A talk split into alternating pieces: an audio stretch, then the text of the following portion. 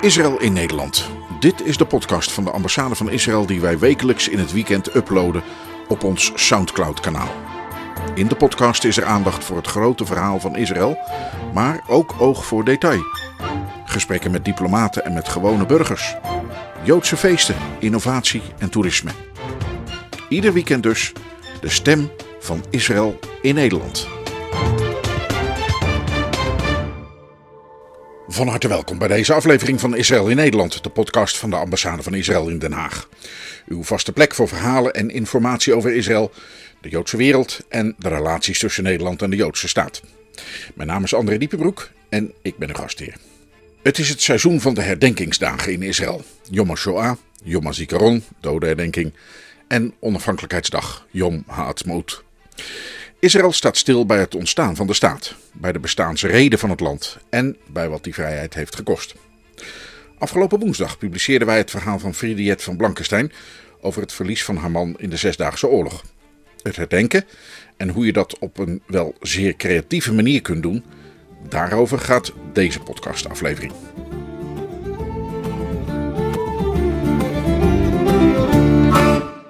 De cultuur van het herdenken. Daarover gaat menig debat rond 4 en 5 mei in Nederland. Een discussie die ook in andere landen speelt, bijvoorbeeld in Vlaanderen en Engeland, over hoe de Eerste Wereldoorlog moet worden herdacht, nu die oorlog al zo ver achter ons ligt dat ook de laatste levende getuigen niet meer onder ons zijn. Wat is dan de zin van het herdenken van zo'n oorlog? En als het zin heeft, hoe moeten we dat dan doen met steeds nieuwe generaties jongeren die steeds verder afkomen te staan van zo'n conflict, hoe erg het ook was?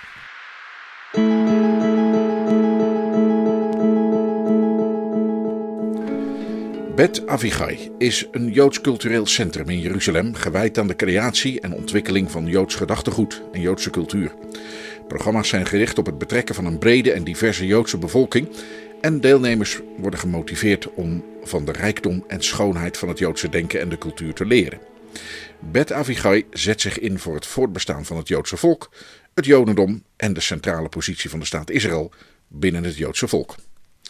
Deze stichting besloot zo'n tien jaar geleden gevallen soldaten en terreurslachtoffers te gaan herdenken door middel van korte animatiefilms. Ik belde met grafisch designer Dov Abramson, de creative director van de gelijknamige studio die aan twee van deze video's werkte. En we kregen speciaal toestemming om de muziek van beide projecten te gebruiken in onze podcast.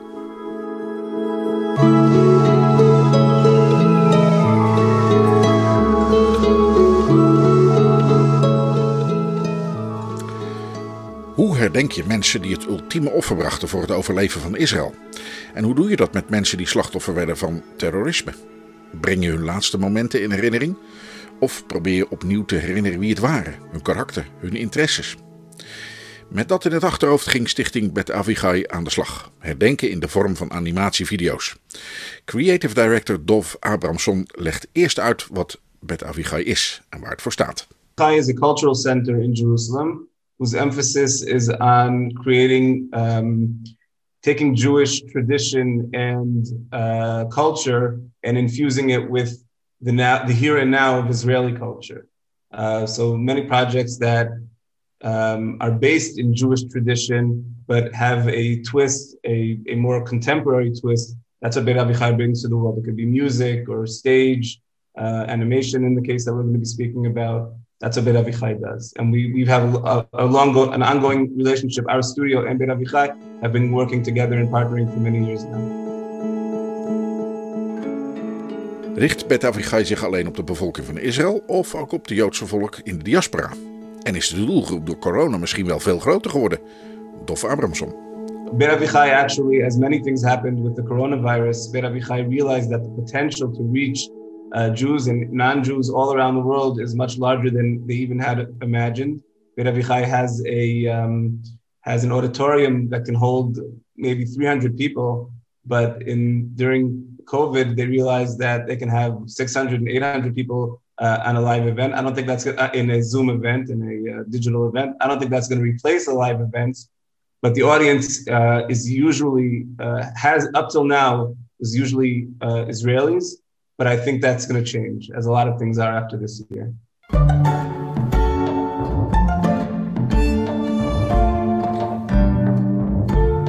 Bet Avigai startte zo'n tien jaar geleden met een bijzonder project wat luistert naar de naam Panim Yom Zikaron. Een gezicht, een dag, een herinnering.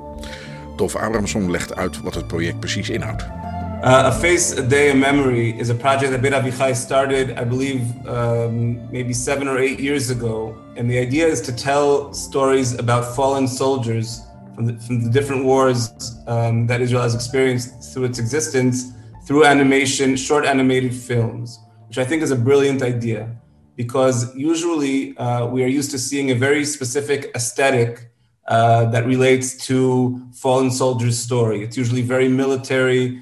Um, it's very uh, co-opted by the state. There's something very, which as there should be, as it should be in certain aspects. But what happened here in this project is that um, animators and designers uh, came up with stories about the life of the soldiers, not about how they fell in the war, not about how they were killed, uh, which again is very important. But this was was was was um, approaching it from a very different angle. It was about telling a short story from that soldier person about that person's life, um, and and th- and by that way, um, leaving a memory of their life, not only of their death. And animation allows for so much freedom when it comes to that that it just opened the door to an entire different way of approaching the idea of remembrance, the idea of um, hantzacha, of uh, the collective memory um, of, of, of these usually young men and women who fell in, in the Israeli wars.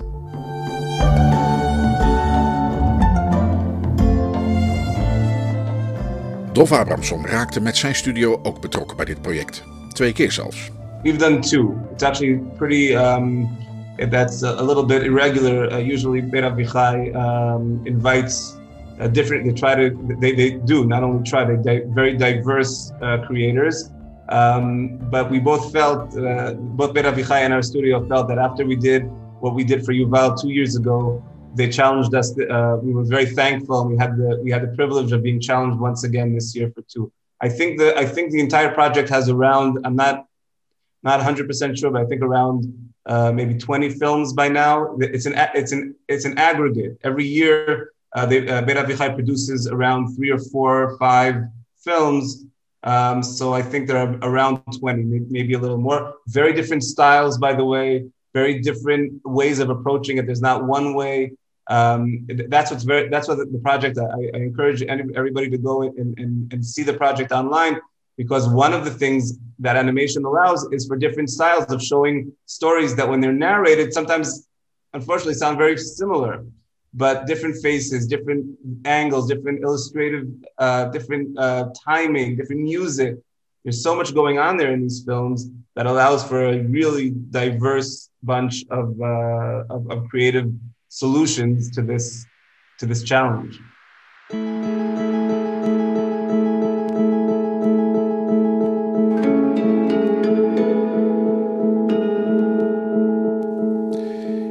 het niet geweldig moeilijk, onmogelijk misschien, om in niet meer dan enkele minuten een heel leven van iemand in herinnering te brengen?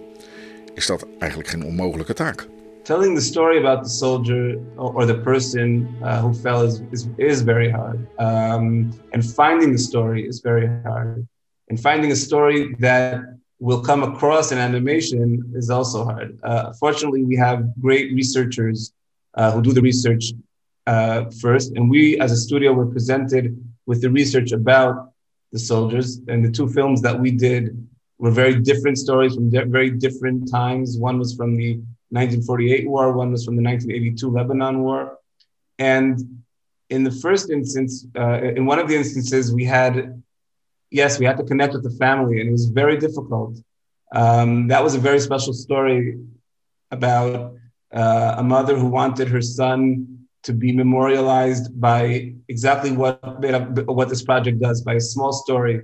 Um, and she, we went over to her house and met with her, and she told us about her son who was killed many years ago, and she didn't have that many memories of him to be to be absolutely uh, frank about it. She really didn't have that many stories, and she felt that all the stories she was t- telling were pretty silly, to be honest.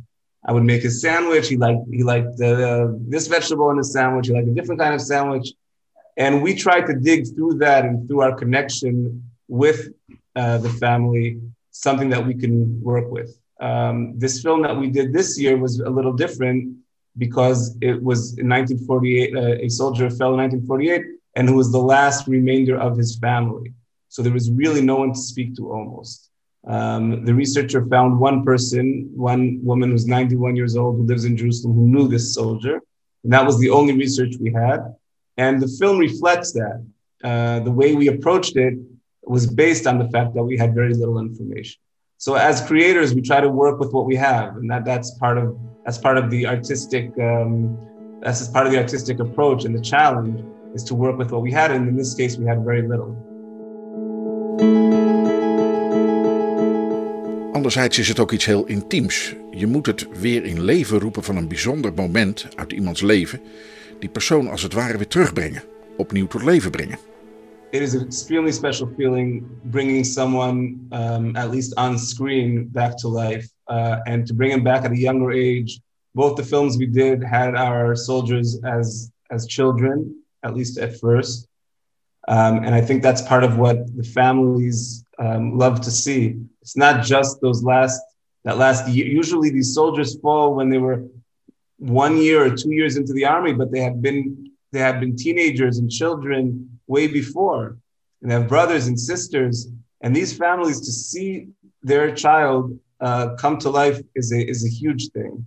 And uh, it's a very, very emotional experience. I can say that I've been doing what I do for 20 years, and I've done many, many, many projects, animation and design. And this project, these two films that we've done for this project, have been emotionally by far the most significant um, to my soul as, as a creator because of exactly because of those things that, that you're mentioning the connection to the family bringing someone back to life. I, have, I feel I have to put air quotes there because we're not really bringing him back to life, unfortunately, but we are we are memorializing his life, his or her life, in a very very special way.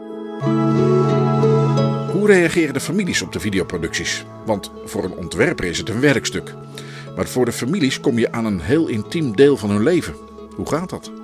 Well, I'll. I, I, I'll tell. Yes, the families react in different ways. I can't say that everybody that it's that it's all that it's all you know um, uh, positive emotions. It's very mixed emotions.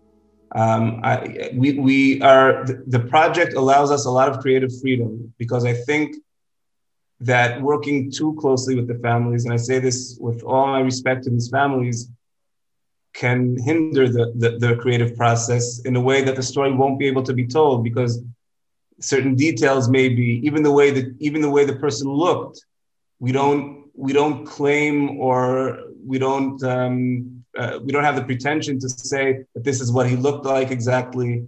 Um, so there's a lot of creative leeway there in the middle. Um, so, but I can say with the with the one of the projects that we did, um, I called yesterday, which was the day before the eve of Remembrance Day of Yom HaZikaron. Um, I got my yearly call from Miriam Yuval, who was Yuval who fell in the 1982 war. Uh, his mother calls me once a year since we did the project, and she says, because I can't say this myself, uh, I, I, there was no way I, I, would be, I would allow myself to say that this is what she has left from Yuval. She says that she says it that simply. It was many years ago. Her husband, who actually is in the film uh, in, anima- in animation, of course, uh, is no longer with us. She's 84 years old, very clear, very with it. She's completely, she's sharp as a knife. But she she she says to me, Dov, this is what I have left of Yuval. And anywhere you can show this film, anywhere you want to bring me to talk about Yuval and the film, I'll be there. Um, so I wouldn't I wouldn't dare say that about my own about my own artwork. But when Miriam says it once a year, she says that to me. Um, it's worth it's worth it all.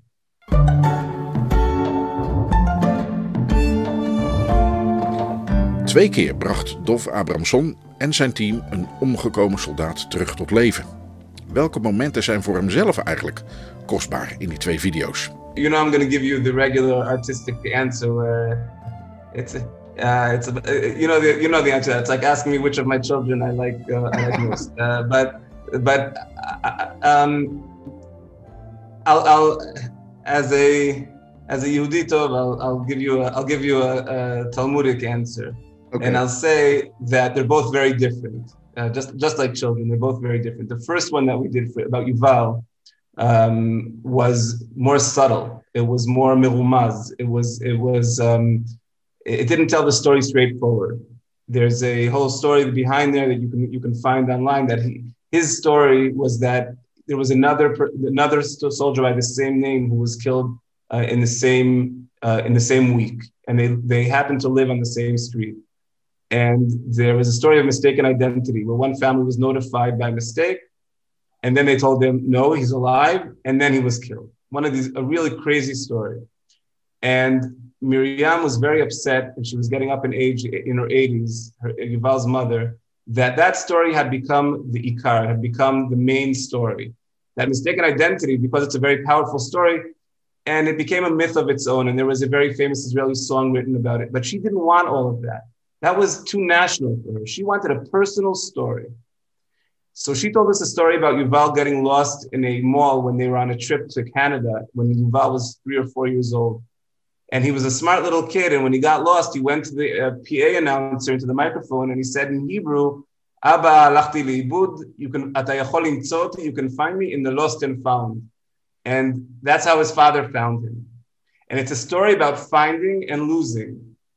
And that's what this, the, the, the film is called Lost and Found. And if you look that if you look that film up, what we did there is a mashal, is an allegory to what happened to him in the mall and to what happened in his life. And that was how we approached that film.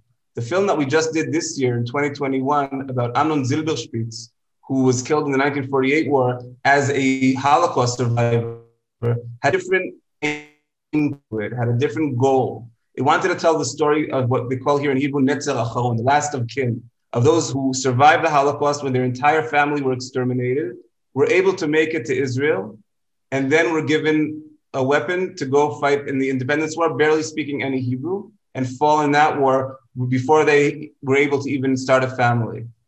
And there was uh, about 10 or 15 years ago, there was a person by the name of Yehuda Sternfeld who made it his life um, his life goal to memorialize those 151 lasts of kin.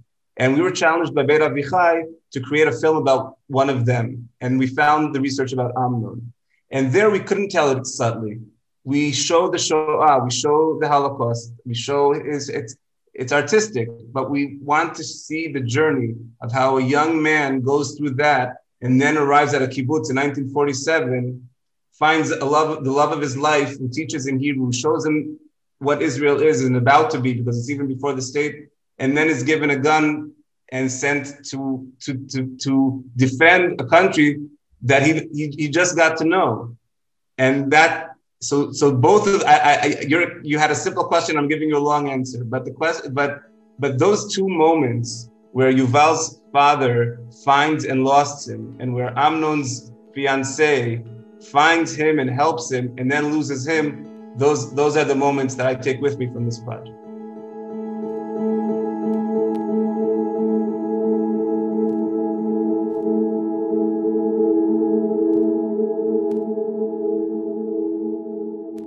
Hoe een vader zijn zoon terugvond en toch weer verloor. En hoe een verloofde haar vriend vindt, hem helpt en hem toch weer verliest. Het zijn de kostbare momenten die creative director Dov Abramson meeneemt uit zijn bijdrage aan het bijzondere project A Face, A Day, A Memory van Stichting Bet Avigai in Jeruzalem. Herdenken dus op een heel creatieve manier. En nu wilt u natuurlijk die video's die we bespraken ook zelf zien. Dat kan.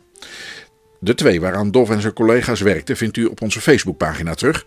Kijkt u dan even op soundcloud.com slash Israël Nederland. En daarna kunt u doorklikken op de link naar onze Facebookpagina. Of gaat u er gewoon direct naar facebook.com slash Israel in Netherlands. Daar zet ik ook de link neer naar het YouTube kanaal van Beta Avigai, zodat u alle video's die tot nu toe zijn gemaakt kunt bekijken. Wij zijn hiermee gekomen aan het einde van deze podcastaflevering van Israël in Nederland. Vergeet u niet volgen te worden of anderen aan te raden zich te abonneren. Zo blijven u en uw kennissen steeds op de hoogte van wat we doen. En dat kan via Spotify, TuneIn, Apple Podcast, Stitcher of gewoon via ons Soundcloud-account. Voor wat ons betreft, dank voor het luisteren en graag tot binnenkort.